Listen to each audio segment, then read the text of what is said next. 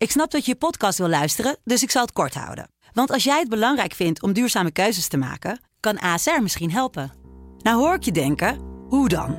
Nou, bijvoorbeeld bij het duurzaam herstellen van schade. Of de premies die we beleggen volgens ons duurzaam beleggingsbeleid. Dat bepaalt waar we wel en juist niet in investeren.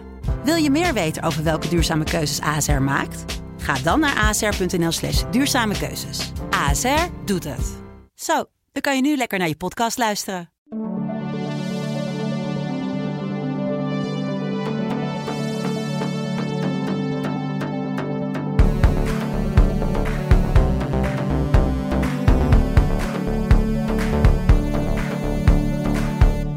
Het is begonnen in Turijn. Eh, daar wordt uh, sinds afgelopen week het podium voor het Eurovisie Songfestival uh, opgebouwd. En het is altijd een speciaal moment als dat gebeurt. Vorig jaar in Rotterdam waren we er allemaal bij. Veel pers bij uitgenodigd en konden we zien wat er allemaal gebeurde. Dit jaar moeten we doen met de foto's die Eurovision Song Contest deelt via sociale media. En dat ziet er weer prachtig uit. We krijgen er allemaal weer een extra zin in als we die foto's voorbij zien komen. Katja. Richard. Ja, welkom bij Songfestival Koorts. Je bent op afstand vandaag. Ja, uh, helaas. Ik ben ook geveld door het, uh, het virus. Maar goed, techniek staat voor niks en we kunnen je er gewoon op die manier bij hebben. Welkom en ook een welkom aan uh, Koos van Plateringen. Hallo Richard ja. en Katja, leuk dat ik erbij mag zijn. Hallo. Hartstikke fijn dat je er bent. Absoluut Songfestival gezicht. Elf keer voor SBS Show News naar het Songfestival afgereisd. Um, en de twaalfde keer was ik in dienst van uh, NPO om daar uh, de persconferenties allemaal te hosten en het openingsevenement te presenteren. Ja. Da daar gaan we het allemaal over hebben, maar Leuk. we beginnen bij het nieuws. En belangrijk nieuws van deze week was de startvolgorde van de twee halve finales. Die is bekend geworden. Albanië gaat het Songfestival in Turijn openen dit jaar. En Nederland moet in die eerste halve finale als achtste op na Oekraïne en Bulgarije. Noorwegen en Armenië zullen die eerste semi afsluiten. En de tweede halve finale wordt geopend door Finland. En daarna meteen de hysterische act van Israël. En Zweden en Tsjechië sluiten de tweede semi af. Over die startvolgorde heeft San van der Nieuwenhuizen afgelopen week in het radioprogramma Volgspot al gezegd dat de verschillen in visuele effecten mede de startvolgorde hebben bepaald. Katja, is een goede plek, die achtste plek voor Nederland? Lijkt mij een prima plek. Vlak na dat uh, geschreeuw van Bulgarije, begreep ik. Dus dat gaat heel mooi uh, opvallen. Ja. En daarna krijgen we het feestje van Moldavië. Nou, de slager metal, ja, dat, dat woord hou ik er toch even in. De slager metal ja. van, uh, van maar Bulgarije. Maar ik vind het heel fijn contrast. Dus dat, dat vind ik helemaal prima. En in die tweede halve finale kunnen we overigens ook een duet verwachten tussen Mika en Laura Pausini, twee uh, presentatoren van het uh, Songfestival. Even voor beeldvorming, eerste semi doen 17 landen mee, tweede semi 18. En van elke finale gaan er uiteraard 10 door naar de zaterdagshow. Daar zullen in totaal 25 landen tegen elkaar aantreden. Als gasten zie je zoals gezegd al uh, Koos van Plateringen en zijn Songfestivalliefde begon hier.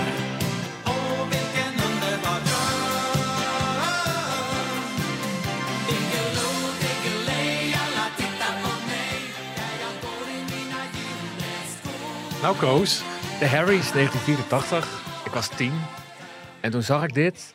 En toen wonnen ze uiteindelijk ook hè, met een golden shoes, een gouden schoenen. En toen maakten ze op het podium maakten ze een handstand. Ik zat destijds op turnen, dus het vond fantastisch dat ze dat deden. Drie jongens. Ik vond ze destijds heel stoer. Als ik nu de beelden kijk, dan, dan zie ik iets anders. En zij hadden die uh, accreditatie hadden ze om. Mhm. Mm -hmm. En toen dacht ik, oh, als ik toch ooit een keer zo'n accreditatie omkrijg en bij het Songfestival mag horen. Ja, dat leek me fantastisch. En dat heeft eventjes geduurd. In 2009 was het zover. Toen ging ik voor de allereerste keer voor shownieuws naar het Songfestival. En toen had ik dat moment dat ik mijn accreditatie omdeed. Dat is altijd, uh, heb ik nooit vergeten. Oké, maar, maar die Harry's dan? Behalve de handstand? Ja, het, het, Zweden staat ja, bekend om, is een songfestivalland. Begon natuurlijk met ABBA, het grote succes. En met de Harry's liet ze ook weer echt zien dat Zweden gewoon op een of andere manier een soort van originaliteit uh, kan brengen, creativiteit kan brengen. Dit was een boyband op het Songfestival. Nou, volgens mij was het de allereerste boyband ever eigenlijk op mm -hmm. deze manier. Met die dansjes doen, zelfde kleding aan, de gimmick met de schoenen. Uh, het zat zo gelikt in elkaar en ook qua muziek. Songfestival to the max. Vind ik altijd nog steeds een heel leuk liedje. En het, op zich de tekst ook wel heel erg leuk. Het gaat natuurlijk over dromen en gouden schoenen. Dat alles waar kan worden, werkelijkheid kan worden wat je wil. Maar als je uiteindelijk wakker wordt en uh, ja, die, die droom van zich afschudt, Ja. is er maar één ding. En dan zegt hij, I can be what I want to be. Dat je kan worden wat je wil zijn. Nou, dat vind ik een mooie boodschap ook nog. En je bent wel geworden wat je wilde zijn. Ja, Ja. nou ja, wat dat betreft is die droom om naar het Songfestival te gaan, is eh, wel uitgekomen, ja. Was dat dan ook het eerste Songfestival dat je op tv bekeek? Nou, daar zat ik over na te denken. Dat is wel mijn eh, grootste herinnering. Maar ik, ik kan me ook nog wel eh, Bernadette herinneren. Jaar was dat daarvoor, 1983, hè? Ja, dus het, het, het, in die tijd was dat. Maar de Harry's was echt, dat was mijn allereerste singeltje ook. Oh. Wat ik kocht. Ja. Sindsdien verslaafd aan het Songfestival. Ja, En geen was jaar gemist? Bijna niet. Ik had ergens, ik, volgens mij heb ik Rutschakot gemist. Ja, heel gek. Ja. Maar dat was even een jaar dat ik net op kamers was, met andere dingen bezig was. Dus dat is ehm, later wel dubbel en dwars ingehaald hoor. Maar eigenlijk, ja, van kinds af aan al gingen we naar opa en oma. Of opa en oma kwamen bij ons met kaas en worst, ehm, cola. En dan ging je de hele avond het Songfestival kijken. Ik hield dan uit- uiteindelijk het niet helemaal vol, omdat ik gewoon te moe was. Dus dan moest ik ochtends vragen, en hoeveelste zijn we geworden? En in mijn beleving werden we altijd twaalfde of dertiende. Mhm. Maribel, Frissel, Zissel. Het, altijd, het was ook wel, ik vond het ook altijd echt heel spannend als Nederland dan kwam. En Willem van Beuzen kon, kon, ik altijd, kon het ook altijd zo heel erg lekker spannend introduceren. Hè? Eh, Drie minuten hoogspanning voor Maribel. en dan begon het. En dan zit je helemaal van, oh ja, het gaat goed, het gaat goed. En dan had toch een beetje een teleurstelling. Ja, dan had je over- altijd hoop van, nou, laat die punten nu maar komen. Ja, En die kwamen niet. die kwamen niet, nee, nee. Maar uiteindelijk is het, eh, nou is het wel heel goed. We zijn door een diep dal gegaan. Ja, Ik was er dus in 2009 voor het eerst eh, bij met de toppers. Ik was heel blij dat de toppers gingen, want ik riep al jaren: we moeten naar het Songfestival, we moeten naar het Songfestival. En toen zei mijn hoofdredacteur: nee, het Songfestival leeft niet. Nou, toen met de nou top- had hij gelijk in, toch? Ja. ja, het was een vrouw. Maar, ehm, en toen gingen de toppers. Toen dacht ik, nou, dit wordt mijn, eh, dit wordt mijn ticket Ja. naar, naar Moskou. En ja, we waren er op woensdagavond kwamen we pas aan. Donderdag stonden zij in die halve finale als allerlaatste. En op zondag gingen we terug. Ik heb het idee dat ik er drie weken geweest ben. Zoveel meegemaakt. Ook die feesten allemaal nog. Toen ook met Gordon. En nou, in de Polonaise van Hot naar Her. En eh, ja, was een mooie ervaring. En al die jaren daarna natuurlijk. En uiteindelijk dan tien jaar later eh, de winst waar ik bij was. ja, 2019. Is dat Ja. je hoogtepunt dan geworden? Nou ja, dat was natuurlijk, ja, dat is natuurlijk fantastisch. Ik vind, ik vind het altijd heel lastig, omdat ik, ik, ik ben daar ook professioneel. Misschien herken, je, herken jij dat ook. Je bent, ik ben liefhebber, maar die liefhebberij is dan op dat moment valt die een beetje weg, omdat je ook gewoon aan het werk bent. Je Dus moet ook wat afstand houden. ja, ja. je wint het Songfestival, maar eigenlijk daar, daar helemaal ja, mee bezig zijn en helemaal die, dat kippenvel ervaren, dat is meteen, wordt meteen vervangen door, oké, en nu? Nu gaan we naar een persconferentie. Ik moet zorgen dat ik een goede plek heb. Wat ga ik vragen? Dus de magie is ook een beetje doorbroken, doordat je ja, daar zoveel, al, zoveel eh, al die jaren ook bij bent. Je zegt eigenlijk, het is gewoon werk. Ja, ja, ik, ja, zo ervaar ik het dan wel. Weet je. Mijn knop gaat dan aan en dan moet ik gewoon mijn werk doen. Moet halen en ja, iets brengen of net iets kunnen vragen wat een ander niet vraagt. Of dat je een antwoord krijgt wat het dan uniek of onderscheidend maakt. Dat zag ik altijd wel als een opdracht. Als je het hebt over uniek en onderscheidend. Met SBS heb ik je ook vaak getroffen ter plekke in de Ja. steden waar het Songfestival werd georganiseerd. En een van de aardige dingen was dat jullie vaak met de bus kwamen. Met de camper, ja, dat had mijn hoofdredacteur. Oh. Ja. ja. ja, dat, hadden, dat vonden ze dan wel leuk. En, eh, dus dat hebben we drie keer gedaan. En op een gegeven moment, ik weet eigenlijk niet eens wat de reden was. Was het te ver of zo, of met, eh, met de camper te gaan? Dan deden we dat dan toch maar niet meer. Mhm. Maar er was wel, er was op een gegeven moment wel echt een leuke gimmick. Maar dat was ook wel een gedoe hoor. Toch? die- Toch kreeg je heel veel van die mensen, die, die kreeg je die camper in. ja, Ilse en Waylon hebben in de camper gezeten. Treintje heeft in de camper gezeten. Toen kregen we tijdens het interview bezoek van de politie in Wenen. Want de camper stond dubbel geparkeerd. dus da- daar ging het interview. Wel leuke televisie trouwens. Eh, nee, dat wa- dat was echt ook wel een ontzettend avontuur. Maar we sliepen daar ook echt in. Hè? Ja. En we aten daarin. Dus het was echt twee weken lang in die camper. eh, ja, door de stad. En ja, ik moet je eerlijk zeggen, het was heel erg leuk. Maar het heeft me ook heel veel stress opgeleverd. Ja, wat een bende zal het zijn geweest met je cameraman in die eh camper. Ook, ja. Ja, daar gingen we ook altijd nog opruimen als voordat de artiesten kwamen. Conchita Wurst heeft ook nog in de camper gezeten. Ja, het was wel echt wel leuk dat je dat... eh, ik was het even vergeten, maar dat was echt wel echt ontzettend Nee, dat leuk, vergeten we nooit. Dat was heel uniek wat jullie deden. Ja. Maar ik was ook wel blij dat uiteindelijk was die camper klaar. Toen konden we gewoon weer... eh, volgens mij was het toen Portugal of zo. Nee, we gingen naar, eh, we gingen naar Oekraïne natuurlijk. Ja, dat, was met- misschien net iets te ver dat was te ver met de Ja. camper. Ik- Stockholm ook nog wel gedaan? Ja, Douwe Bob Ja, was ook met de camper. Die hele stad door, spiegel afgebroken, tegen een stoplicht aangereden. Een gedoe, joh. Ja, het is. eh, de het levert ook een hoop. Ja, je weet hoe het werkt, weet je wel. Of doe jij het heel relaxed? Ik, het levert bij mij ook wel veel spanning op. Dat Tuurlijk. verslag doen de hele tijd. Nee, de, de, je hebt constant te maken met allerlei deadlines. En je thuisfront, hè, bij mij is dat dan de Telegraaf, de krant. Die wil constant bellen ze met je. Dit willen we hebben voor de krant van morgen. Dat willen we hebben voor op de site. En kun je tussendoor dat en dat nog even regelen. Het is eh, balanceren tussen hè, de organisatie ter plekke en het programma daar. En de wensen van het thuisfront. Ja. Eh, en dat is soms heel ingewikkeld. Ja, en ondertussen heb je ook nog gewoon je productie daar, weet je. Ja. Dat je, je moet eh, erheen rijden. Waar is het? Hoe laat moeten we er zijn? Geld pinnen, afrekenen. Dat zijn allemaal kleine dingetjes. Maar je bent eigenlijk van, vanaf 's ochtends dat je aangaat. Nou, dan, dan, dan bel je met de redactie van hè, wat gaan we doen vandaag? Wat staat er op het programma? Oké, willen je weer live. Hadden een vroege editie. Dan ga je live in de vroege editie. En dan hebben we s'avonds om 11 uur eh, nog de, late show. Dus ik was eigenlijk van 's ochtends tot 's avonds laat. Ja, je bent niet de hele tijd 100% Mhm. aan, maar wel gewoon je ogen staan open, je voelsprieten staan aan. Want ja, je wilt toch wel een beetje in de gaten houden. De boekmakers, verschuift het weer. En dan even terug naar SBS Shownieuws. Is het dan gaan leven bij SBS Shownieuws nadat je naar Moskou bent geweest? Die met de toppers? Toen hadden we wel de, to- de toon gezet. Maar dat, Richard, was jij daarbij ook? Het- Nee. Nee, oh, maar dat waren... We waren toen de enige. Boulevard was daar met een, met een cameo. Wij waren er en de NOS wa- was Ja. er. Dus we, we, we konden ook in die tijd echt het nieuws brengen. Dus toen had Shownieuws nog miljoen kijkers, hè, s'avonds laat. Dus toen was je eigenlijk ja, de enige, of samen met de krant, Telegraaf was natuurlijk ook wel. Ja, je kon echt nieuws brengen over wat daar dan gebeurde. Dat is nu heel anders. Maar toen eh, was wel meteen van dit werkt, dit, dit is leuk en dat gaan we vaker doen. We hebben ook al heel veel specials gemaakt die goed bekeken werden. Na de toppers gingen we naar, dat was Duitsland. Oh nee, Oslo eerst nog inderdaad, met, eh met Sineke. Nou, dat was natuurlijk ook fantastisch. Ja. Schot in de roos voor SBS 6. Heel veel anderen dachten er anders over. Volgens mij mocht Boulevard niet eens komen. Omdat die hadden zich lelijk uitgelaten over, eh, over de inzending.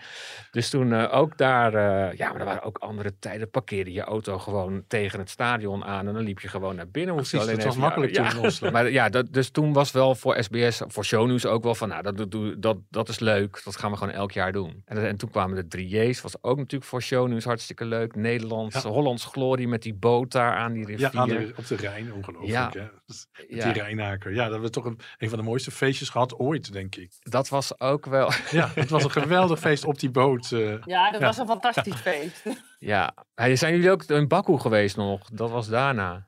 Daar, zijn we, daar komen we da- dadelijk eh, ongetwijfeld Oh. eh, ook nog even op, eh, Koos. Want voor jou staat een grabbelton. Oh, En die grabbelton, eh, daar zitten briefjes in van zeg maar alle duizend, nee het zijn er veel meer, duizend plus inzendingen van het Oh, Eurovisie nee, Songfestival.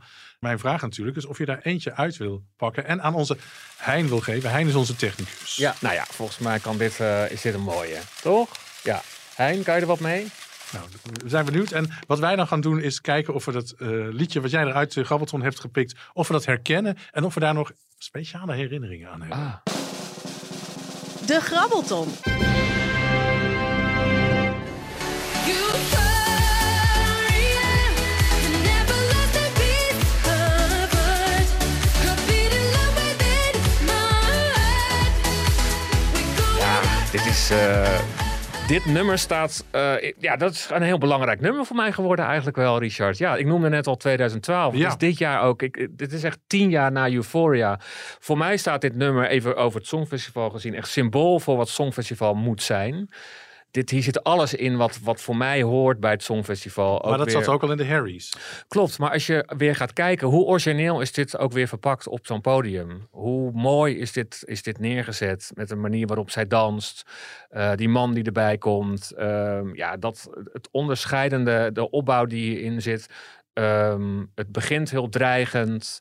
Je wil er naar blijven luisteren. Die climax komt, het zakt weer in. We gaan nog naar een grotere climax toe. Ja, fantastisch. En het is een beetje het liedje tussen mij en mijn man.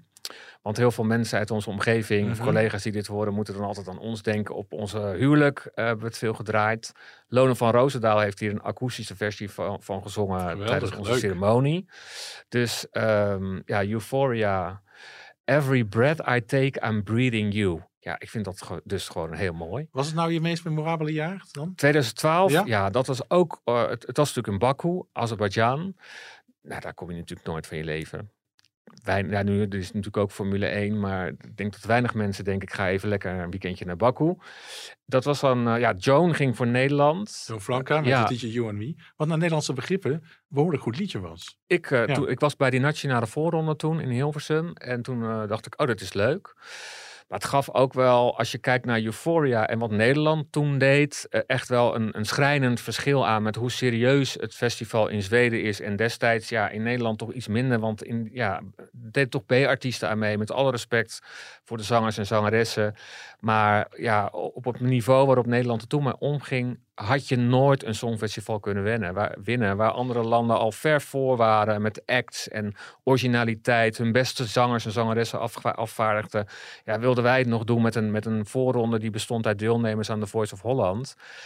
Gelukkig is dat nu anders. Maar dat jaar in Baku was ja, daardoor ook wel heel bijzonder. Maar toen, Richard, ik kan er heel lang over vertellen. hè. Je kan ook zeggen stoppen, gaan door. Dat ga ik zo zeggen. Toen, dat was ook nog heel ouderwets. Dan ging Nederland, eh, alle, de hele pers ging dan nog in een bus. En dan gingen we een dag op een reisje. En dan gingen we met, eh, met Joan ook.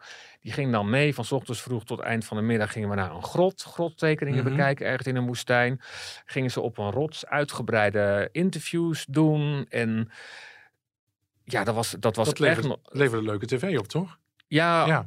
aan de andere kant, ja, als je Joan al een keer had gesproken, want wij konden haar in die tijd bijna elke dag wel uitgebreid even spreken. Dat is nu ook heel anders geworden. Dus je weet op een gegeven moment ook niet meer zo goed wat je moet vragen hoor. Dan heb je bijvoorbeeld 20 minuten de tijd. En dan, dan, toen dacht ik ook van ja, wat, waar moeten we het eigenlijk nog over hebben, weet je? Het blijft gewoon liedje, songfestival. Wat verwacht je, hoe voel je en hoe gaan de voorbereidingen? Dus, maar dat, dat is nu inmiddels ook wel heel anders geworden. Die ruimte is er niet meer bij pers. Maar ik vond ook wel weer een mooi contrast tussen Euphoria, Loreen die won voor Zweden. En wij, Nederland, die een hele dag op tournee gingen in een bus door de woestijn van Baku of Azerbeidzjan. Loreen, die sloot zich helemaal af. Die zat in hetzelfde hotel van Nederland. Ja. En die was daar alleen maar in haar hotel met een koptelefoon op. Ik zag haar af en toe een beetje wat van die bewegingen maken die ze dan ook in haar nummer maakte. En dat was, dat was haar voorbereiding. Ja, en waar Joan Franca met haar gevolg zat in datzelfde hotel weliswaar. ja. Maar zaten op de gang nog eh, een act te oefenen. Ja, ja met dat die gebeurde dansers. toen nog. Ja. Daar hadden ze helemaal niet over nagedacht. Maar ik weet ook van de drie J's, die gingen naar Duitsland en die hadden helemaal niet nagedacht Nee. over wat, wat voor visuals willen wij in de achtergrond. Nee, dat was terug. Even terug naar eh, Euphoria, Loreen. Katja, jij bent er ook nog. Ja, welke herinneringen heb jij aan Euphoria? Euphoria, ja, dat is, dat is een klassieker geworden binnen Eurovisieland natuurlijk. Dat was echt zo'n gedoodverfde hè? Toen je dat liedje hoorde, wist je, oh, dit gaat het gewoon al winnen. Ja, er was geen discussie dat jaar. In dat zi- opzicht was er niet veel meer aan, maar het, het blijft een fantastisch opzwepend nummer. En ik ben nog steeds een beetje, eh, ja, ik ben natuurlijk een soort eh Songfestival-ambassadeur. Als ik dat liedje hoor ergens, dan zeg ik tegen mensen, goed, hè, dit is van het Songfestival. Koos, hoe, hoe vond jij Baku? De stad. Ja, Nou, ik weet nog wel dat. eh, ja, we zijn stad doorgecrossed met eh, taxis naar dat enorme stadion. Dat was daar ook gebouwd op een speciaal schiereiland, helemaal voor het Songfestival. Ja, ja, ja. Daar was een vlag van het land, die was groot als 17 voetbalvelden. zoiets, ja. Ja, zoiets. En de hele stad werd ook afgesloten als de president eh, over straat ging. Dus op een gegeven moment stonden we vast. Dus, Wat is er aan de hand? We hebben haast. We moeten naar het stadion. Nou, de, de president is eh, arriving. En dan werd de stad afgesloten. Feesten ook nog van Avrotros. Toen had je ook nog in de tijd dat alle delegaties feesten gaven. Ja. Kon je dan heen en kon je de hele avond gratis eten en drinken. Zo ook niet meer. Allemaal, allemaal Wat een oude lul word ik, hè? Vroeger was alles beter. Dus- maar maar eh, oh, die Afrotrossen konden ook wel feesten geven daar. Ja, die hebben leuke feesten gegeven. Oh. Zonder meer, zonder Ja. meer. was dat ook niet dat feestje waarop Peter Kuipers een borrel te veel op had? Ik eh, laat me daar verder niet over uit. Ik, heb, Ja, maar dat is toch ik algemeen bekend, of ik niet? heb de beelden moeten wissen. Klopt, ja. Toen eh, Azerbeidzjan in 2011 dat Songfestival won, toen hadden ze nog helemaal niets van dat stadion staan. Dat hebben ze als een gek uit de grond gestampt. Ze dat zo? Oh, ja, ja, het is joh. echt speciaal voor het Songfestival destijds gebouwd. Het is allemaal gelukt. Dat kan daar allemaal nog. Daar hoef je niet maandenlang op vergunningen of wat dan ook te wachten. Het was echt een fantastisch jaar. Ik ben er dus ook geweest. Ik zat met in een hotelkamer in de oude binnenstad van Baku. Ommuurde binnenstad. Echt heel oud. Verschrikkelijk mooi. En dan was er aan de kust waar ook dat stadion was. Ik kon daar te voet naartoe bij wijze van spreken. Er was een enorme boulevard eh, aangelegd. Met, het, het leek wel of je in Cannes in Zuid-Frankrijk was. Zo chic en, en, en duur was het. En tennisbanen op die boulevard. En dan ook de, de, de winkels en de hotels eh, die aan die boulevard vastzaten. Aan, aan die straat. Dat waren allemaal de dure merken en de dure hotels. Dat was echt eh, pracht en praal, moet ik zeggen, eh, Baku. Heel streng beveiligd ook. eh, Ja. Op de avonden zelf. Ook met die, eh, in, op het water allemaal. eh, best wel zwaar bewapende militairen ook. En later bleek ook dat er best wel een serieuze dreiging was. Pas nadat het Songfestival was afgelopen, Ja. kwam dat naar buiten. We waren misschien 80 kilometer van de grens met Iran. En vooral Israël had extra beveiliging nodig dat jaar.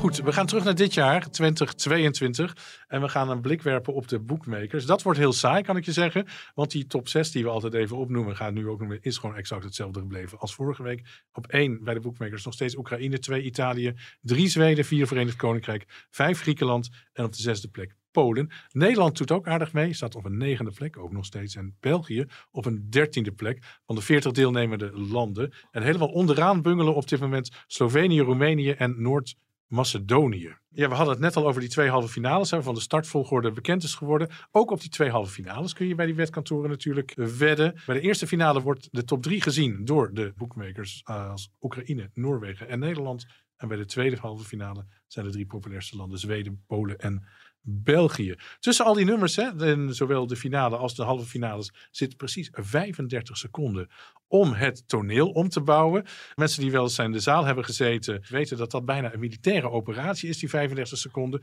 Dat is ongelooflijk. En dat is in de tijd dat als je in Nederland TV kijkt, dan hoor je het commentaar van eh Cornald Maas en Jan Smit.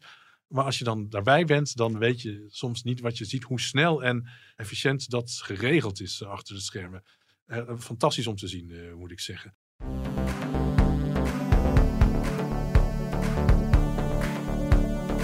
We gaan vijf inzendingen deze week bespreken. Eh, voordat we die vijf inzendingen gaan beoordelen, moet, ik toch even melden dat de videoclip van Georgië, die we vorige week hebben besproken, daarvan die inzending, inmiddels is vrijgegeven. Hè, vorige week moesten we de beoordeling doen omdat er geen clip was. En dat was ook een reden, want dat wilden ze niet uitbrengen in verband met de verschrikkelijke situatie in de Oekraïne. Maar afgelopen week is die clip toch vrijgegeven. En ik moet eerlijk zeggen, het is inderdaad een hele feestelijke clip geworden. Met een groot circusgehalte. Nou, op zich houden we daarvan. Daar hou jij van, hè? Ja, ik ben dol op circus. Ik vind dat heerlijk. Eh circus, variété. Het geeft het wel een uplift, moet ik zeggen, die, eh, die clip. Ja, hè? Ja. Laten we beginnen met het eerste land dat we deze week gaan bespreken. En dat is de inzending van Duitsland. En Duitsland stuurt zanger Malik Harris, Harris met het liedje Rockstars.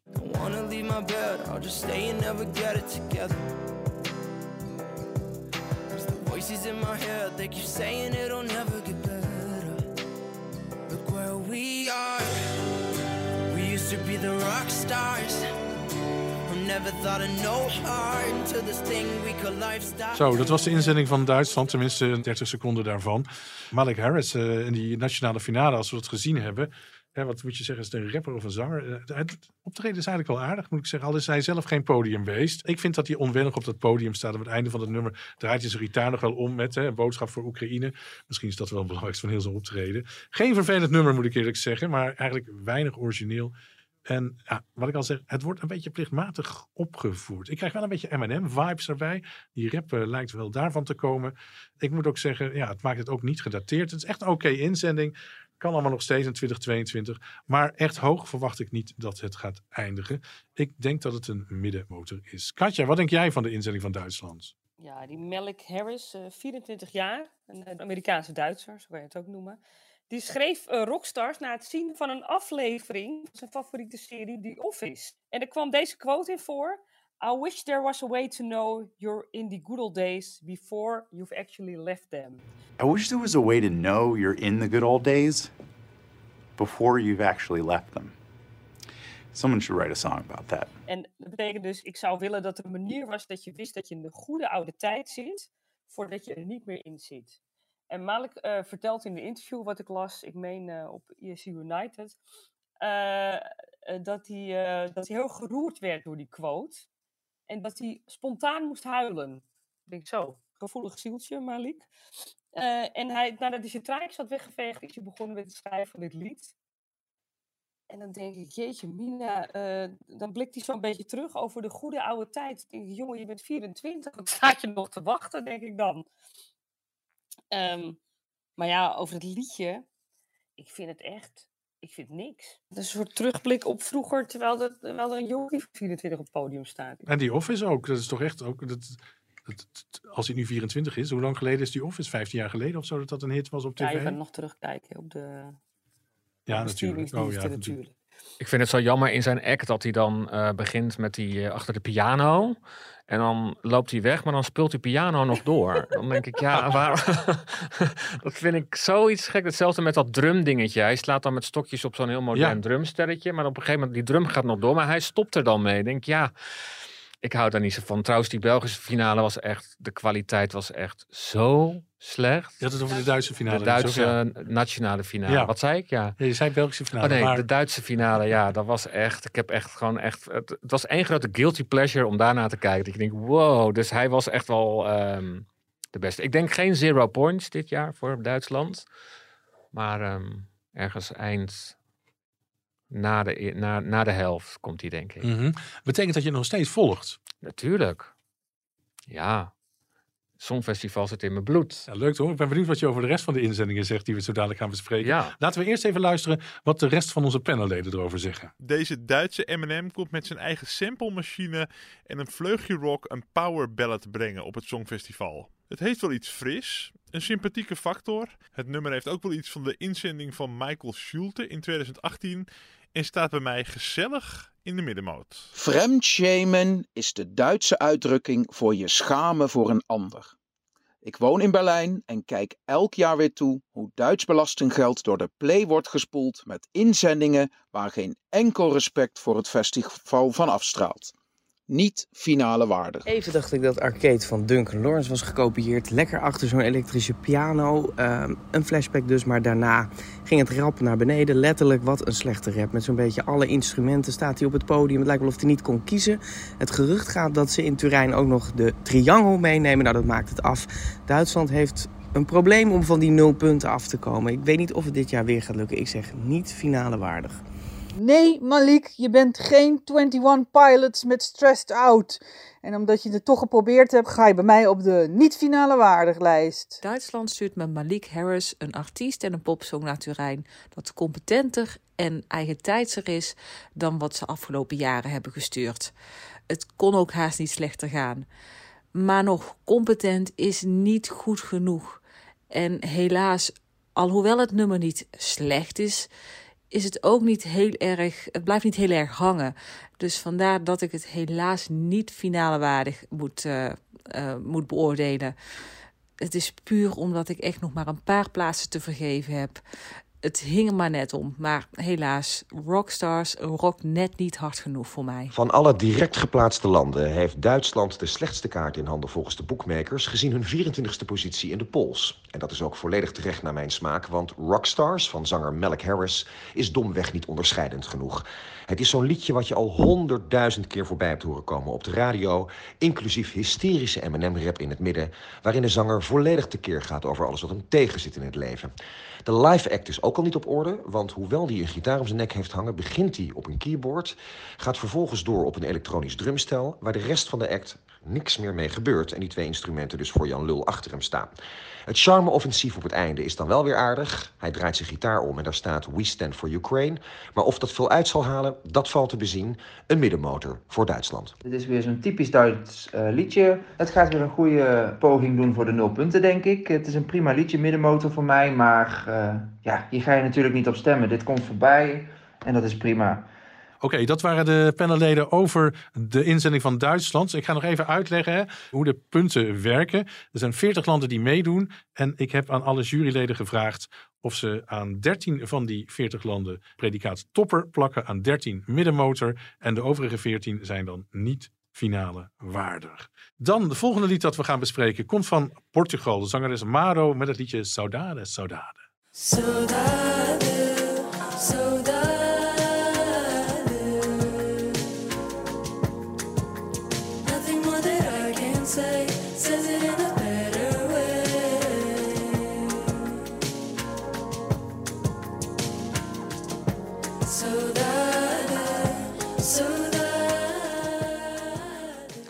Zo, Katja, wil jij aftrappen? Heb jij die eh, nationale finale gezien, dat Festival de Kansau, eh, Richard? Eh, nee, ik heb alleen het optreden van Maro gezien. Dat viel me niet tegen. Ik vond het een leuke, diverse nationale finale met, met, verschillende liedjes. En ehm, meerdere potentiële liedjes ook. Of ik denk, oh, die zouden het echt leuk doen op het Songfestival. En welke mij vooral opviel, dat was Mhm. niet dit nummer, maar dat was Aurea met Why. Prachtig werkelijk nummer, heel bijzonder en breekbaar. En nou ja, of je ervan hield of niet, het was echt opgevallen. Dit, dat was een finalist geweest, dat was, dat was geen twijfel. Dan kiezen de Portugezen dit. Een nummer wat mij echt helemaal niet zo is opgevallen tussen al die eh, weliswaar leuke, eh, diverse nummers, zeg maar. Maar dit vond ik dan weer zo'n ja, een opvullertje. En Portugal, ik kon er echt niet bij. Die, die kiest dan hiervoor. En ik denk, nee, nee, wat doe je? Dat gevoel had ik erbij. Ja, het is wel schattig, maar eh, een, een lied eh, over haar eh, grootvader, die er niet meer is. En het woord saudade is natuurlijk een typisch Portugees Ja. woord, hè? Ehm heimwee, melancholie, weemoed, zo kan je dat ongeveer vertalen. Ik vind het weer zo typisch Portugees dat ze hiervoor kiezen. Dat, dat, het al eerder over gehad, dat hele bescheidene of zo, dat straalt het lied ook uit. Ik vind dit nummer, wat je net hebt gehoord, dat is ook wel meteen het hele nummer. Het neigt naar saai, maar het heeft, het heeft ook wel iets, maar het, het gaat te lang door op dat oudade. Ik hoor het te vaak. Blijft een beetje hangen. Katja, vind je niet? Ja, dat vind ik precies hetzelfde. Ja. Het, het, het, het, het suddert Ja. maar door zo de hele tijd, hè? Ja, ik ben het, ik ben het eh, ook met jullie eens. Eh, ik ben wel heel nieuwsgierig naar die andere kandidaat. Dat ga ik natuurlijk van de week even zoeken. Ik vind ook dat Saudade Saudade, ik vind het eigenlijk ongelooflijk enorme slappe hap. Monotoon, slaapliedje, oerzaai. Komt bij mij in ieder geval niet binnen. Vijf vrouwen op warkrukken die ingetogen, maar ook vooral verveeld. Zingen en uiteindelijk ook eh, gaan klappen. Dus wat mij betreft, Portugal snel terug naar Lissabon. Overigens een enorme hit in Portugal. Ik kwam binnen in de hitlijst op Ja, nummer zullen, soms, soms zullen we het allemaal niet begrijpen. ja, voordat we naar het andere land gaan, eh, nog eerst even de panelleden die hun mening geven over Portugal. Suade was misschien niet het allerbeste liedje in de Portugese voorronde. Toch is het voor mij een welkome song. Zwoel en zomers komt het nummer prima tot zijn recht in mijn lounge playlist voor de hopelijk nog warme zomeravonden die ons dit jaar te wachten staan. En de ogen van Maro zijn betoverend mooi. Hé, hey, wat zie ik daar? Ik heb nog een plekje in mijn linker rijtje. Ik krijg hier aan de ene kant een heel veganistisch en EO-gevoel bij, maar aan de andere kant vind ik het beeldschoon in al zijn eenvoud. Maar dames, ga alsjeblieft niet als een soort madeliefjesmeisjes op een barkruk het podium op in Turijn. Daar heeft de Italiaanse omroep echt te hard zijn best voor gedaan. Een topper. Nou, Portugal is helemaal de weg kwijt. Treble meets Michel met Out of My Own. Even lijkt het net een, eh, een yoga-oefening of eh, om helemaal in je chakra te komen. Ik val echt na drie minuten gewoon in slaap. En dan ook nog met dat handenklappen. Het lijkt wel of we terug naar de jaren negentig worden geslingerd. Nee, Portugal slaat wat mij betreft de plank mis. Ik zeg niet finale waardig. Vijf op zich leuke meiden zingen een liedje dat in mijn ogen en oren alles behalve soldaat is. Ik vind het niet gepassioneerd en ik vind het niet memorabel. Niet finale waardig. De eerste keer dat ik Sodade hoorde, viel ik halverwege in slaap. Maar misschien kwam dat wel doordat het in de finale van de Portugese voorronde midden in de nacht was. In eerste instantie vond ik het ook echt slaapverwekkend en oninteressant. Totdat het een tweede of derde keer op mijn afspeellijst voorbij kwam en het me steeds meer wist vast te houden in de slaperige, dromerige sfeer en het sentiment. Die tweede of derde luisterbeurt is er tijdens de halve finale niet. Dus het is de vraag of de eerste indruk voldoende is om de finale te halen. Maar voor mij is dit voorzichtig opgeschoven van niet finale waardig naar een goede middenmotor. Een van de meest opvallende bijdragers dit jaar komt uit Portugal. Het dromerige Saudade Saudade van zangeres Maro. Een droomsequens waar je in wordt getrokken en waar je na drie minuten weer uit wordt gehaald. Vrij recht toe recht aan, maar in zijn eenvoud werkt het. Het kan op het festival twee kanten uitgaan. Of het gaat heel erg opvallen in zijn eenvoud, of het valt volledig weg gezien de rest van de acts. Dat is afwachten. De boekmakers hebben er vertrouwen in, gezien hun elfde positie. Ik denk dat het ergens in de middelste regionen zal eindigen. Een middenmotor, maar wel een bijzondere bijdrage wat mij betreft. Voor mij doet dit helemaal niks. Het is ja, gewoon helemaal niet zeggend. eh, en ik moet ook heel eerlijk zeggen, ik- heb het eigenlijk nooit helemaal geluisterd. Ik denk dat Portugal niet meer wil winnen. Volgende land gaan doen, dat is Finland. En Finland stuurt de Rasmus met het liedje Jezebel.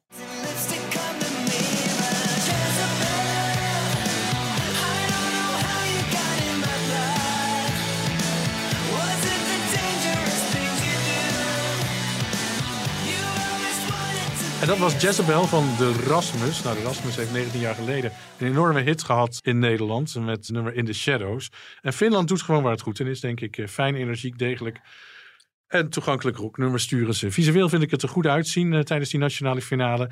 Ik moet eerlijk zeggen dat Katja eh, zei vorige maand nog iets over het haar van de zanger. Dan ga ik dus, ja, ik, ik ga er nu ook steeds op letten, Katja. En Ja, me eraan gadver. ergeren. Ja. Het, is, het ziet er, het ziet er niet, eh, niet uit. Als we Twan van der Nieuwhuizen moeten geloven, hè, terug even naar Volkspot, waar die van de week even te gast was, dan gaat Finland uitpakken op het podium. En wellicht is dat ook de reden dat eh, Finland de tweede halve finale opent. Prima inzending wat mij betreft. De middenmotor, denk ik, zal de finale wel halen. En eh, daarna komt dus Israël. Nou ja, wat op het hysterische af is waarschijnlijk. Katja, wat denk jij van Finland? Finland, nou ja, dat haar inderdaad, ik kom daar toch even op terug. Want die sponsor is toch weer Moroccan Oil, toch? Dat Oh. wordt lachen natuurlijk. Wat gaan ze in godsnaam doen met het kapsel? Nou, hij mag het kapsel toch houden zoals hij het heeft? Nou, in godsnaam was het, knip het, doe iets, maar niet zo. Echt, ik, ik, het, het leidt enorm af. Eh Jezebel, zei je nou dat Israël eh, daarna... Ja, eh, na, na, na, na Finland komt Israël. Ja, dat is wel een beetje pijnlijk, want Jezebel, dat is de, de, in de Bijbel de naam van de vrouw van koning Ahab. Oh. En zij leidt de Joden weg van het ware geloof. Oh. Ze wordt afgezet, ze wordt uit het raam van haar paleis gegooid en ze wordt opgegeten door wilde honden. Oh. Een schijnlijke figuur hoor, was dat die Jezebel. Dus eh, dat belooft wat. Ja, nou, ik vind het, ik vind het wel een, fijn nummer. Het is inderdaad, Finland houdt van rock, hè, dat weten we. Maar ik vind toch een beetje, de glans is eraf. Van de, of meer van het nummer, niet zozeer van de band. Ik denk dat die het wel goed gaan doen, het podium. Klinkt toch een beetje als vergaan ethisch geworden. Nou, het doet mij heel erg denken aan Alice Cooper met Poison. Het, het ja, de, componist is ook iemand Mhm, die eh, ja. voor Alice Ja, Cooper heeft de geschreven. akkoorden, dus dat ja. Precies, ja, daar hebben we het over gehad, hè, Ja. Katja? Ja. Ik dacht eens aan een topper, maar ik neig toch naar de middenmoot. Maar Katja, denk jij niet dat ik vorig jaar was echt wel altijd ja van de rockgroepen? De winnaar Finland ook natuurlijk goed ook, maar gescoord Finland ook heel goed gescoord. Ahoy ging uit zijn dak. Is dat dan nu geweest? Ik heb het idee dat het een beetje nu over de heel is bij het Songfestival. Nee, ik denk dat rock nooit is geweest. Of ieder genre is niet geweest bij het Songfestival. Ik bedoel, je kan het altijd weer... komt altijd weer terug. We hebben natuurlijk ook eh, Hongarije gehad, hè, geloof ik, 2018. Ja, maar ik, Dat was ook een heel pittig nummertje. Maar dat was wel eh, goed in zijn genre, zeg maar. En wat dit jaar wordt gestuurd, Bulgarije, Finland nu. San Marino. San Marino, punkrock, wat ik zelf wel geinig vind trouwens, maar daar heb ik wel zwak voor dan. Om nou te zeggen dat het kwalitatief hoog is in zijn genre, denk ik nee. Je hebt ook niet zoveel met die Finse rock, toch? Sowieso niet zoveel met rock. Oh, je- nou ja, Kensington had voor mij wel voor Nederland naar het Mhm. Songfestival gemogen. Ja. Alleen als ik kijk naar winnaars, dan zie je dat nooit, eh, als dat een, een genre eenmaal heeft gewonnen, het zijn telkens toch nieuwe liedjes. Het zijn andere, ander gevoel zit erin. Het Ja. is nooit dat eenzelfde soort liedje nog een keer wint. Dat bedoel ik eigenlijk te Ja. zeggen. Ja, het is wel jammer dat ze wel eens proberen om dat over te doen inderdaad. Als een nummer heeft gewonnen in een genre, dan zie je het jaar erop altijd kopieën. Dan denk ik, wat jammer. Nou ja, wat jij zegt, Katja, dat geloof ik wel. Als het goed is in zijn genre, dan kan het prima.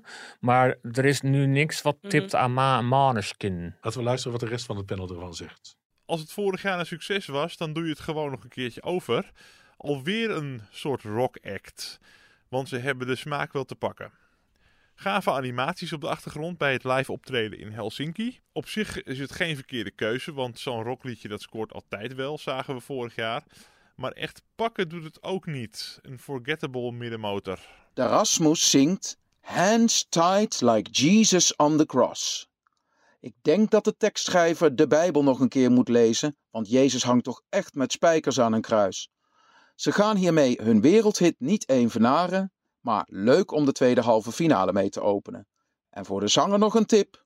Het festival wordt gesponsord door Moroccan Oil, dus laat alsjeblieft je haar een paar keer wassen in Turijn. Een middenmotor. Tja, Finland. Het levert eigenlijk altijd waar het goed in is. Eh, sterke drank en hard rock. De Rasmus is een hele sterke groep. Heerlijk voor tijdens een rondje hardlopen. En ik krijg ineens zin om even lekker hout te gaan hakken, weet je wel. Dus ik zeg finale en dan middenmotor. Dit lied heeft alle kwaliteiten van een ethisch rocknummer en dus niet finale waardig. De laatste hit van Rasmus stamt alweer uit 2003 en daarmee is het dus nog ouder dan de jongste deelnemer van dit jaar. Reality Check. Voor mij is het een feest van herkenning. Het is een fijn rocknummer dat goed in het gehoor ligt en keihard en knijtervals meegezongen kan worden. Ik hoop wel dat de zanger zijn toon wel vast weet te houden, want in de loop der jaren is zijn stemmen live niet echt sterker op geworden. Uit resultaten in het verleden is gebleken dat het sturen van een internationaal bekende naam geen garantie is voor succes. Maar ik hoop dat dit voor Finland dit keer wel goed uitpakt. Een topper. Opnieuw rock, dit keer uit Finland met de en Jezebel. En van alle rockliedjes die ik tot nu toe voorbij heb horen komen, is dit wel de beste. En het heeft alles te maken met het goed geproduceerde liedje, wat makkelijk in het gehoor klinkt en wat een groot publiek kan bereiken door het eenvoudige refrein. De titel van het liedje namelijk Jezebel, Jezebel. Dat hoef je maar honderd keer mee te zingen en je hebt het hele nummer gehad. Wat dat betreft is het vrij recht toe recht aan, maar kan het op een podium voor een publiek heel goed uitpakken. De boekmakers hebben ze op een zestiende plaats gezet. Ik zelf denk dat het een stuk lager gaat eindigen, maar het zou de finale zomaar kunnen halen. Ja, dat is gewoon weer typisch Finland. Ja, dit, eh, dit kunnen ze, dit doen ze altijd. En eh, het scoort eigenlijk altijd wel. Dus eh, ook voor mij is dit een middenmotor. Ik verwacht dat dit wel eh, bij de televote eh, wat punten gaat scoren. De jury weet ik niet helemaal. Maar het zal misschien weer net als vorig jaar worden dat de hele zaal Finland roept bij de laatste envelop. Wie weet. Yes, en in dat panel zitten, ik zal even de namen noemen. Jens Geerts, Aran Baden, Corrie van Songfestival Forum, Johnny van Riel, Frank Otte, Margreet de Heer, Joris van der Zonde en Edwin Kleijs. De volgende inzending die gaan we bespreken is eh, Griekenland. Daar gaat Katja altijd rechtop zitten. Als half Griekse natuurlijk. Griekenland stuurt Amanda Tenfjord met het liedje Die Together. close to giving up. But if we die together now, we will always have each other. I lose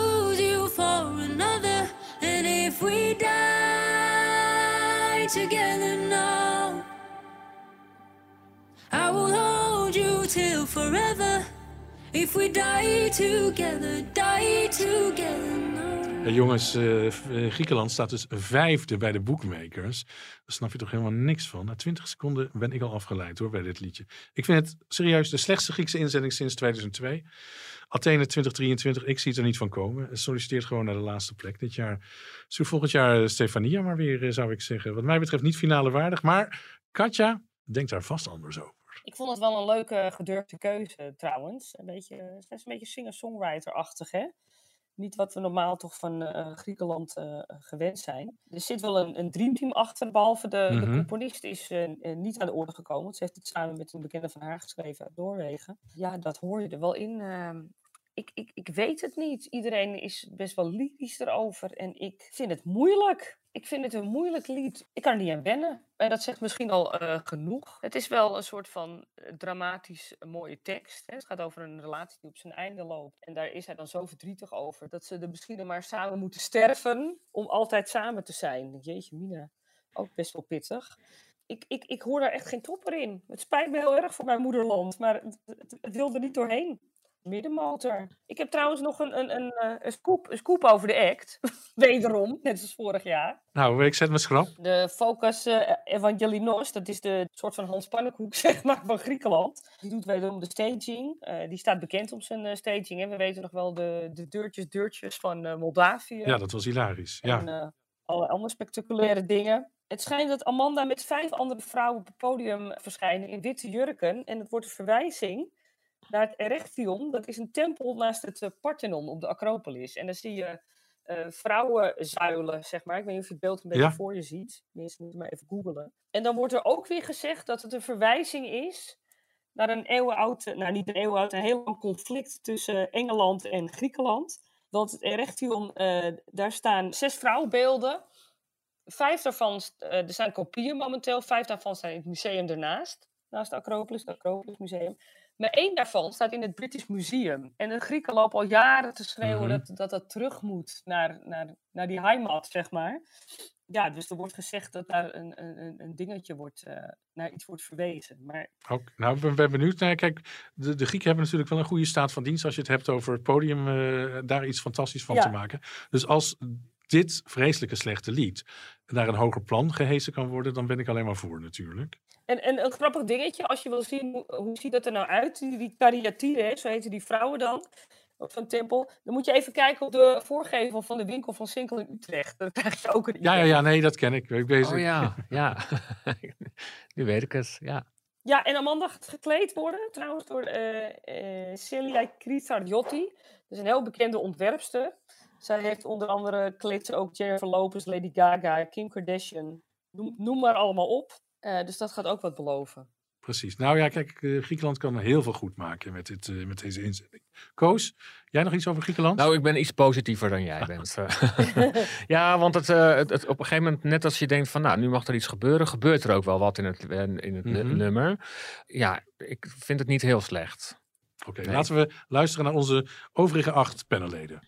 In tegenstelling tot Cyprus zingt Griekenland dit jaar niet in het Grieks. Weer een treurlied, er zijn er al zoveel dit jaar. Het nummer heeft ook iets alternatiefs met dat effect zo over de stem heen. Typisch een nummer voor in de middenmoot, waarvan ik niet precies weet wat ik ermee moet. Maar elke keer dat ik het hoor wordt het wel ietsje mooier. Dit lied staat echt met stip op één in de lijst van liedjes waar ik dit jaar ontzettende jeuk van krijg. En jeuk is erger dan pijn. Zoals ze op zijn Grieks zouden zeggen, het is gewoon moenie. Niet finale waardig. Ja, waar is Helena Paparazzo als je er nodig hebt? De opzwepende Griekse klanken. Ik krijg dan zin in sirtaki, tzatziki, gyros. Nee, sorry Katja, maar Griekenland zit eh, diep in mineur dit jaar met een lied over doodgaan. Ja, wat een sfeer. Niks opzwepends. Het lijkt bijna nog het Jomanda-centrum. Ik zeg finale waardig, omdat ze natuurlijk wel eh, bij de jury denk ik veel punten gaan scoren. En dan de middenmotor, een rechte rijtje. Griekenland, Amanda Tenfjord, Die Together. Begin van dit lied vond ik sterk. Het voelde origineel en interessant en oprecht, maar de tweede helft is voorspelbaar en saai. Voor mij niet finale waardig. Het nummer met de meest ongezellige titel begint a cappella met een vervormde stem op de achtergrond. Dit valt op en pakt meteen de aandacht. Het gaat alleen iets lang door voordat het lied verder opbouwt. Amanda Tenfjord schreef dit nummer zelf en dat merk je ook. Het komt oprecht over en vocaal klinkt het goed, zonder veel toeters en bellen. Als het live ook zo goed klinkt als de studioopname en de Grieken weten op het podium iets moois neer te zetten, kan dit erg goed scoren. Klein nadeel voor Nederland is dat dit qua stijl en artiest S10 best in de weg kan zitten en jury en publiekstemmen kan verdelen. Maar, concurrent of niet, dit is gewoon een goede inzending. Een topper. Een van de allersterkste liedjes dit jaar komt uit Griekenland. Die Together van zangeres Amanda Georgiadi Tenfjord valt op in alle toonaarden. En dat heeft te maken met het hele goede liedje en het spannende begin... waarin ze bijna a cappella akoestisch begint... en uiteindelijk komt langzaam die melodielijn in het tweede couplet naar voren... en laat het je niet meer los. Het enige waar ik over twijfel is of dit toegankelijk gaat zijn voor een groot publiek. Dat zullen we moeten afwachten, maar een topper is het zeker. De boekmakers hebben daar ook vertrouwen in... gezien hun nummer 5 positie in die top... Ik denk dat dat meer dan terecht is en dat ze ook in die top 5 zullen eindigen. Een prachtige, opvallende en hele sterke bijdrage uit Griekenland. Ook voor mij is het een middenmotor, maar wel een middenmotor die richting het niet-finale waardig gaat. Ja, het is voor mij een nietszeggende ballad. Ehm, ik vind ook dat aan het, in het eerste deel zitten ook heel veel effecten over de stem heen. En ik weet niet wat ik daarvan vind. Ehm, ik ben benieuwd of ze ook live die eh, effecten over haar stem heen gaan doen. Ehm, ja, dit hangt helemaal af van, eh, van haar live performance. Misschien dat ik het live wel eh, prettig vind om naar te luisteren, maar de effecten die er overheen zitten doen me heel erg weinig. Nou, dankjewel weer allemaal voor deze geweldige meningen. Het volgende lied dat we gaan bespreken en het laatste lied ook van deze podcast eh, vandaag is Servië. En Servië stuurt zangeres Constracta met het liedje In Corpore Sano. Oči ukazuju na probleme s jetrom. Fleke oko se nam Možda uvećana slezina Uvećana slezina. Nije dobra, nije lepa. A umetnica mora biti zdrava. Biti zdrava Biti zdrava Ja, deze vrouw zit de handen te wassen op het podium. Ja. Gaat ze dat, weten jullie dat? Gaat ze dat in Turijn ook doen? Ik ga ervan uit van wel Ja, eigenlijk. ja, ik, dit, dit, ja, natuurlijk, dit gaat punten krijgen. Want het is een beetje dat gekke Oostblok. Maar het is niet mijn persoonlijke smaak. Ik vind het heel lastig. Ik kan er geen touw aan vastknopen. Het gaat alle kanten op, maar ook weer niet. Ja, het is een soort, ja, die act raar met die handen. Het is, eh, nee, ik, dit, dit, krijgt niet mijn punten. Ja, als ik kijk naar mijn eh, notities, heb ik ook intrigerend staan, bevreemdend. eh, hè, een lesje gezondheidstips, allemaal over een gezond lichaam, door zuster Constracta, eh, die drie minuten lang haar handen aan het wassen is. Nou, er gebeurt natuurlijk op zich niet zoveel op het podium. En misschien is het zelfs eentonig, dat lied, maar toch word je bij de les gehouden, vind ik, bij de inzending van Servië. Ik maakte net al een opmerking van Portugal dat daar ook niks gebeurt. Maar bij Servië vind ik dat juist weer prima werken. En ook daar wordt weer geklapt. Aangename inzending, wat mij betreft absoluut een middenmotor. En misschien wel het linker rijtje zou zichtbaar kunnen zijn. Katja, wat denk jij over Servië? Ja, jullie zullen misschien verrast zijn. Ik vind het dus geweldig. De eerste keer dat ik het zag, dacht ik: wat is dit nou weer? Dit slaat nergens op. En inderdaad moet dat weer het Oostblok raar doen. Maar ik was toch geïntrigeerd. Ik bleef kijken, ik bleef kijken, ik nog een keer kijken. En toen zag ik een, een, een heel klein interviewtje op de YouTube van Vivi Blogs. Waar zo'n hysterische reporter, die kon straks de interviewen van... Ah, girl, hello, you've won. En het, het leuke vond ik dat zij dus helemaal er niet in meeging. En zegt, ja, hoe voel ik me? Ik moet het even verwerken hoor, ik weet het allemaal niet. Nou, dat vond ik echt een verademing. En daarbij heeft mij sympathiepunten gehaald. En toen ging ik nog een paar keer kijken. En toen ging ik ook op onderzoek uit, zoals altijd. En eh, ja, daar zit wel wat achter dit nummer. Het is in een soort drieluik uitgekomen. Hè? Je hebt een videoclip met drie liedjes. Waarvan het middelste paneel, kunnen we wel zeggen, dat is dit liedje in Corpore Sano. Het kaart dus eigenlijk aan, en dat blijkt pas op het einde van dit lied, ehm, dat kunstenaars in Servië, die hebben geen eh, zorgverzekering. Dus je moet, je moet ervoor zorgen dat je altijd gezond blijft. Want waar ga je het van betalen als je ziek wordt? Dat probeert ze ook duidelijk te maken met Polen door de handen te wassen. Ze blijft die handen maar wassen, want ze moet gezond blijven. Ze wast als ware haar handen kapot. Ja, ik vind dat wel een soort staaltje performance art. En op een gegeven moment eh, ga ik dat toch meezingen. Het is voor mij gewoon een topper geworden. Nou, goed te horen. Ja. ja, je weet het hè. En dit is natuurlijk een, heel groot publiek vindt dit leuk, vooral in Oost-Euro- eh, Ja, ja, ja, Oost-Europa. ja. En er staan geweldige parodieën trouwens. Je moet echt even op YouTube kijken. Er staan geweldige parodieën op YouTube van dit nummer. Die zij trouwens ook, eh, waar ze zelf ook smakelijk om moest lachen in diverse interviews. Oh, gelukkig. Ja. Ja. nou, daar ben ik nu ook wel nieuwsgierig naar. Laten we ook even luisteren wat eh, het panel zegt over de inzending van Servië. De Servische handenwasser, die langzaamaan al wereldfame aan het boeken is. Dit is ook weer zo'n nummer dat je eerst onderschat, zoals het nummer van Rusland vorig jaar. En dat eh, groeit naarmate je het vaker hoort. Dat je het eerst niet helemaal snapt en het belachelijk maakt, maar dat dan opeens het kwartje valt. Het begint namelijk een beetje onopvallend, maar daarna gebeuren er veel interessante muzikale dingen. Zoals een drumbeat die erin komt. Monica heeft prachtige Eva Jinek ogen en een plek in mijn top 10. Dit is toch ook waarom we van het Songfestival houden? Nergens anders krijg je het toch voor elkaar om miljoenen mensen naar een optreden te laten kijken waarvan je je afvraagt onder de invloed van welke drugs het bedacht is. Het is zo bizar dat ik het een topper vind. Servië stuurt hun eigen Katy Perry. Even dacht ik dat het de toiletjuffrouw was die je boos aankijkt als je niks op haar schoteltje eh, legt.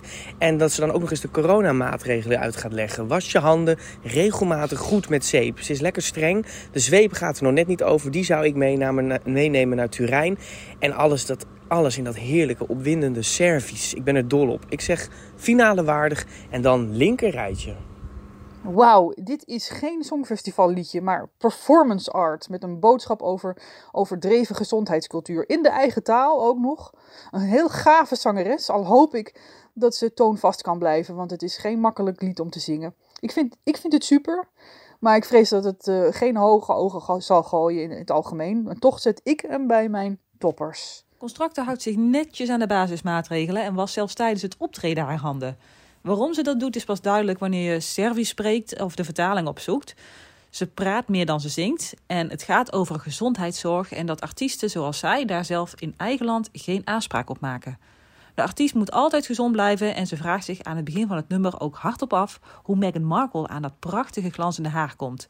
Het is een hele diepe tekst, een intrigerend nummer met een opvallend aanstekelijk refrein, wat zelfs voor ons nog fonetisch mee te zingen is. Je gaat al snel van bieti, bieti, bieti, bieti en je klapt met je handen. Dit is meer een art performance wel dan een lied en zeker niet iedereen zijn ding. Maar voor mij is het een waardevolle aanvulling op het Songfestival. Een middenmotor. Voor de een is dit kunst in optima forma, voor de ander is dit een niet te begrijpen act. En ik behoor tot die laatste categorie, want het liedje In Corpore Sano van zangeres Constracta uit Servië is zo idioot, zo infantiel en zo bizar dat ik besloten heb het ook niet te willen begrijpen. Ik begrijp de tekst van het liedje niet, ik begrijp de act op het podium niet en bovendien is de zangeres wat mij betreft ook nou niet echt het toonbeeld van sympathie waar je op zit te wachten op zo'n festival. Een compleet idiote bijdrage uit Servië Waar ik geen enkel woord meer aan vuil wil Ik maken. vind Servië zelf echt een topper. Eh, het is echt een soort mantra dat in mijn hoofd blijft hangen. En dit kan de hele dag terug in mijn hoofd opkomen. En eindelijk is een Eurovisieliedje met een dansje dat ik zelf ook kan. Gewoon zittend op het podium, handen wassen tussendoor en af en toe klappen en met je handen draaien. Ja, nou, dit kan ik helemaal. Ik kan, het, ehm, ik kan de mantra meezingen, ik kan de dans perfect. Nou, dit gaat scoren, let op. Zo, dat waren de vijf landen voor deze week. Volgende week weer vijf andere landen. En hier aan tafel zit nog steeds Koos, Koos van Plaatseringen. En een van de mooiste Songfestivalavonturen die jij hebt mogen meemaken was vorig jaar in Rotterdam. Ja, ja, dat was heel erg leuk. Ik, nou, het was best wel. ehm 2019 ging ik weg bij Shownieuws. En natuurlijk, het Songfestival kwam er aan. Dus ja, wat ging ik dan nog iets doen bij het Songfestival? Eigenlijk, zal ik je eerlijk vertellen, zou ik meegaan naar Expeditie Robinson. Ik was een van de kandidaten van niet de afgelopen seizoen, maar dat seizoen daarvoor met, met die oud-kandidaten ook. En ik was al helemaal getest en we zouden over een paar weken gaan. Dus ik was helemaal klaar, he- meer dan een jaar voorbereid vanwege corona. En toen kreeg ik een telefoontje van Avro Tros of ik bij het Songfestival de persconferenties wilde doen. En ook de Rode Loper opening met Ja. alle delegaties. Toen dacht ik, jeetje, krijg je dit. Ik wil en naar Robinson en naar het Songfestival. Maar dat kon niet allebei. Dus ik heb voor het eerst in het leven moeten kiezen tussen eh, iets wat ik allebei heel erg leuk vond. Eh, maar wel voor het Songfestival. Want ja, dat is natuurlijk once in a lifetime. Daar hebben we zo lang op moeten wachten. Dus eh, dat was echt een enorme ervaring om ja, onderdeel te zijn van dat hele grote team van mensen wat daar in Ahoy aan de gang was. Om het tot een succes te maken. Echt superleuk. En ook wel echt. Er gebeurt zoveel achter de schermen wat je je niet voor kan stellen. Want we zien op televisie elk jaar natuurlijk een, eh, een gelikte show. Ja. Maar wat er allemaal gebeurt bij kleding en achter de schermen voor persconferenties. Nou, je noemde net al Israël, was natuurlijk heel gevoelig toen, hè, met de bombardementen Ja. weer die er waren. Dus word je ook helemaal gebriefd. Wat moet je wel vragen? Eh, er mogen natuurlijk geen vragen gesteld worden over politieke situaties in landen. Nou, dat gebeurde dus toch nog door stepfase. Nou, dan moet je dus ook ingrijpen. Ehm, nou ja, ik kan- kan je ook wel een verhaal vertellen van een, eh, een zangeres die eh, in een wit pak optrad. Dan ben ik heel benieuwd of jij nog weet wie dat was. En die was ongesteld geworden. In dat witte pak. Mm. Katja, ja, dan kom je dus uit een repetitie en dan is, dus, eh, nou, dan is het dus vrij zichtbaar. Maar die head of delegation ging helemaal. Die zei: You stupid cow, why did you, didn't you use. en zij stond daar echt te verteren. Want dat, dat wilde ze natuurlijk zelf ook niet. Nee. Nou, hele pak gestoomd, alles weer wit. Wat denk je, een paar dagen later? Weer, weer allemaal vlekken erin. Eh, zangeresjes die daar heel jong, hele jonge zangeresjes komen natuurlijk in een context te staan die eigenlijk alleen J-Lo en Beyoncé en Madonna meemaken. Dus die zijn Mhm. onzeker. En dan heb je dus mensen die, die, die, die dat meisje begeleiden uit zo'n land, een head of delegation. Echt onaardig zijn, alsof het een soort slaaf is achter. Ja. Well, she has to. Uh, no, you don't have to wear the shoes. The shoes are not good. And you, oh, you look too fat. You look too fat. Nou, dat ik echt denk van, wow, dat kan gewoon niet. Dat gebeurt dus allemaal daar achter de schermen. Je, eh, Flo Rida was er natuurlijk, hè. Ja. Met Help me even het land. San, San Marino, ja. ook. Die dacht dat hij gewoon een halve eh, backstage kon opeisen met allemaal eisen. Waarop ze zeiden van, oké, you are one of the contestants. nothing more, nothing less. maar hij dacht, ik ben een Amerikaanse ster, dus ik kan allerlei dingen eisen. Nou, het bleek ook wel, de wiet was populair bij de, bij de deelnemers. Mhm.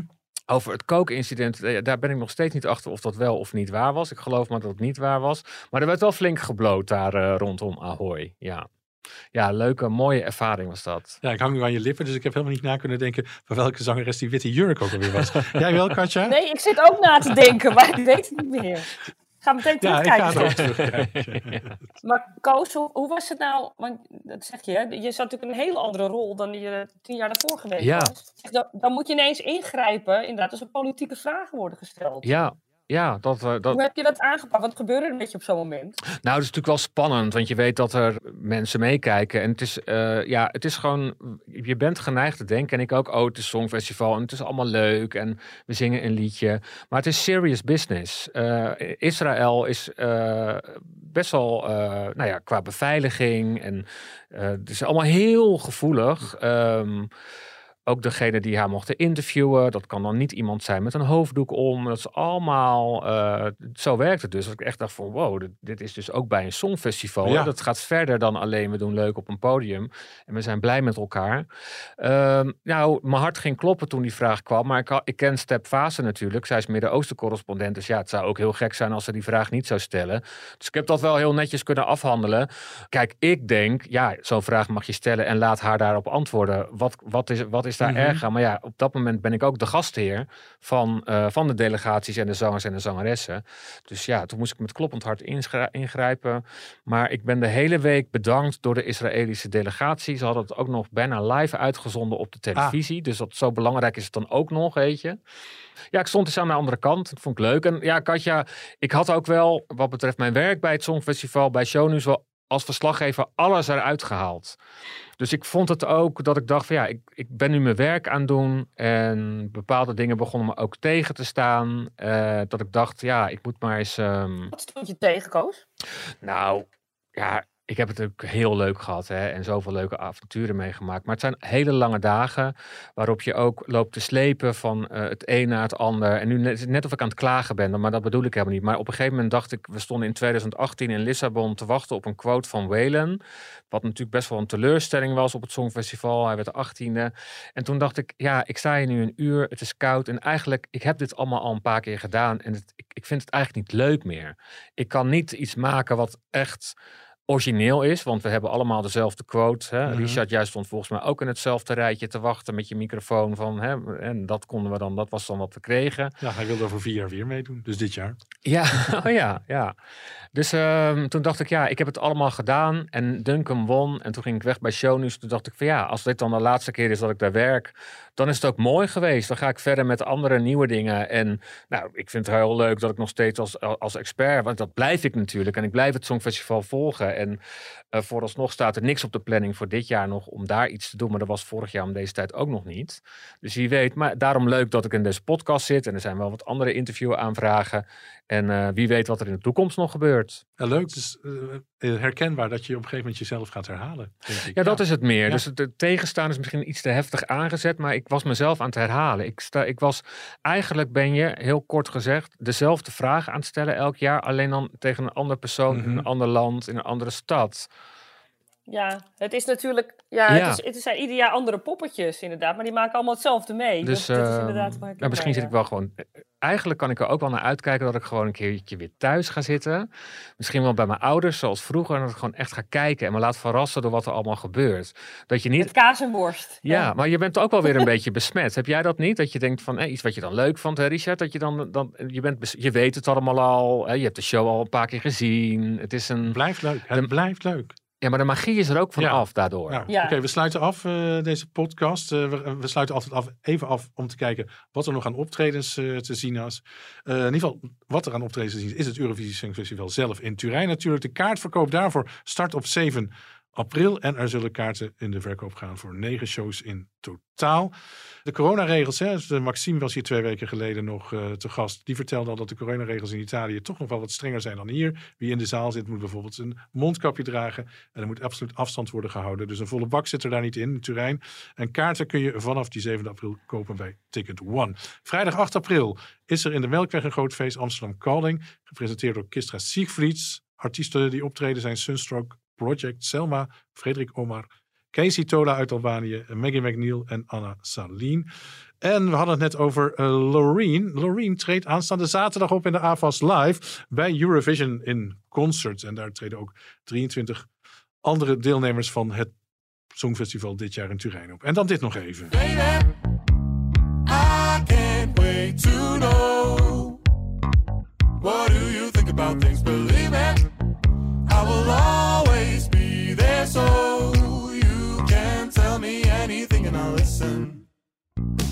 Ja, dat is Dadi Vrijer natuurlijk uit IJsland, die twee jaar geleden bijna het Songfestival zou gaan winnen in Rotterdam. Niet gebeurd. Hij treedt op zaterdag 30 april op in de Melkweg in Amsterdam. Lieve mensen, Koos, bedankt voor dat je hier was. Ja, ik Dit wil nog even zeggen dat eh, Nederland vierde wordt dit jaar. Oh, vierde. Nou, oh, dat wat goed. leuke, leuke uitspraak. Ja, ja, Ja, leuke ik ga het uitspraak. toch nog even zeggen, Ja, ja. Dat, dat gaan we absoluut in Na Oekraïne en houden. Zweden, na, na Oekraïne, Italië en Zweden wordt eh, Nederland vierde. Leuk, leuk, leuk. Daar een goede plekkenstad zou dat zijn. eh. Oh, lieve mensen, bedankt voor het luisteren. Wil je reageren? Dan gebruik dan op Twitter de hashtag Songfestival Koorts of mail naar podcast.telegraaf.nl. En Katja en ik, eh, wij zijn er volgende week weer, dan weer met een andere gast. Tot ziens. Tot volgende week.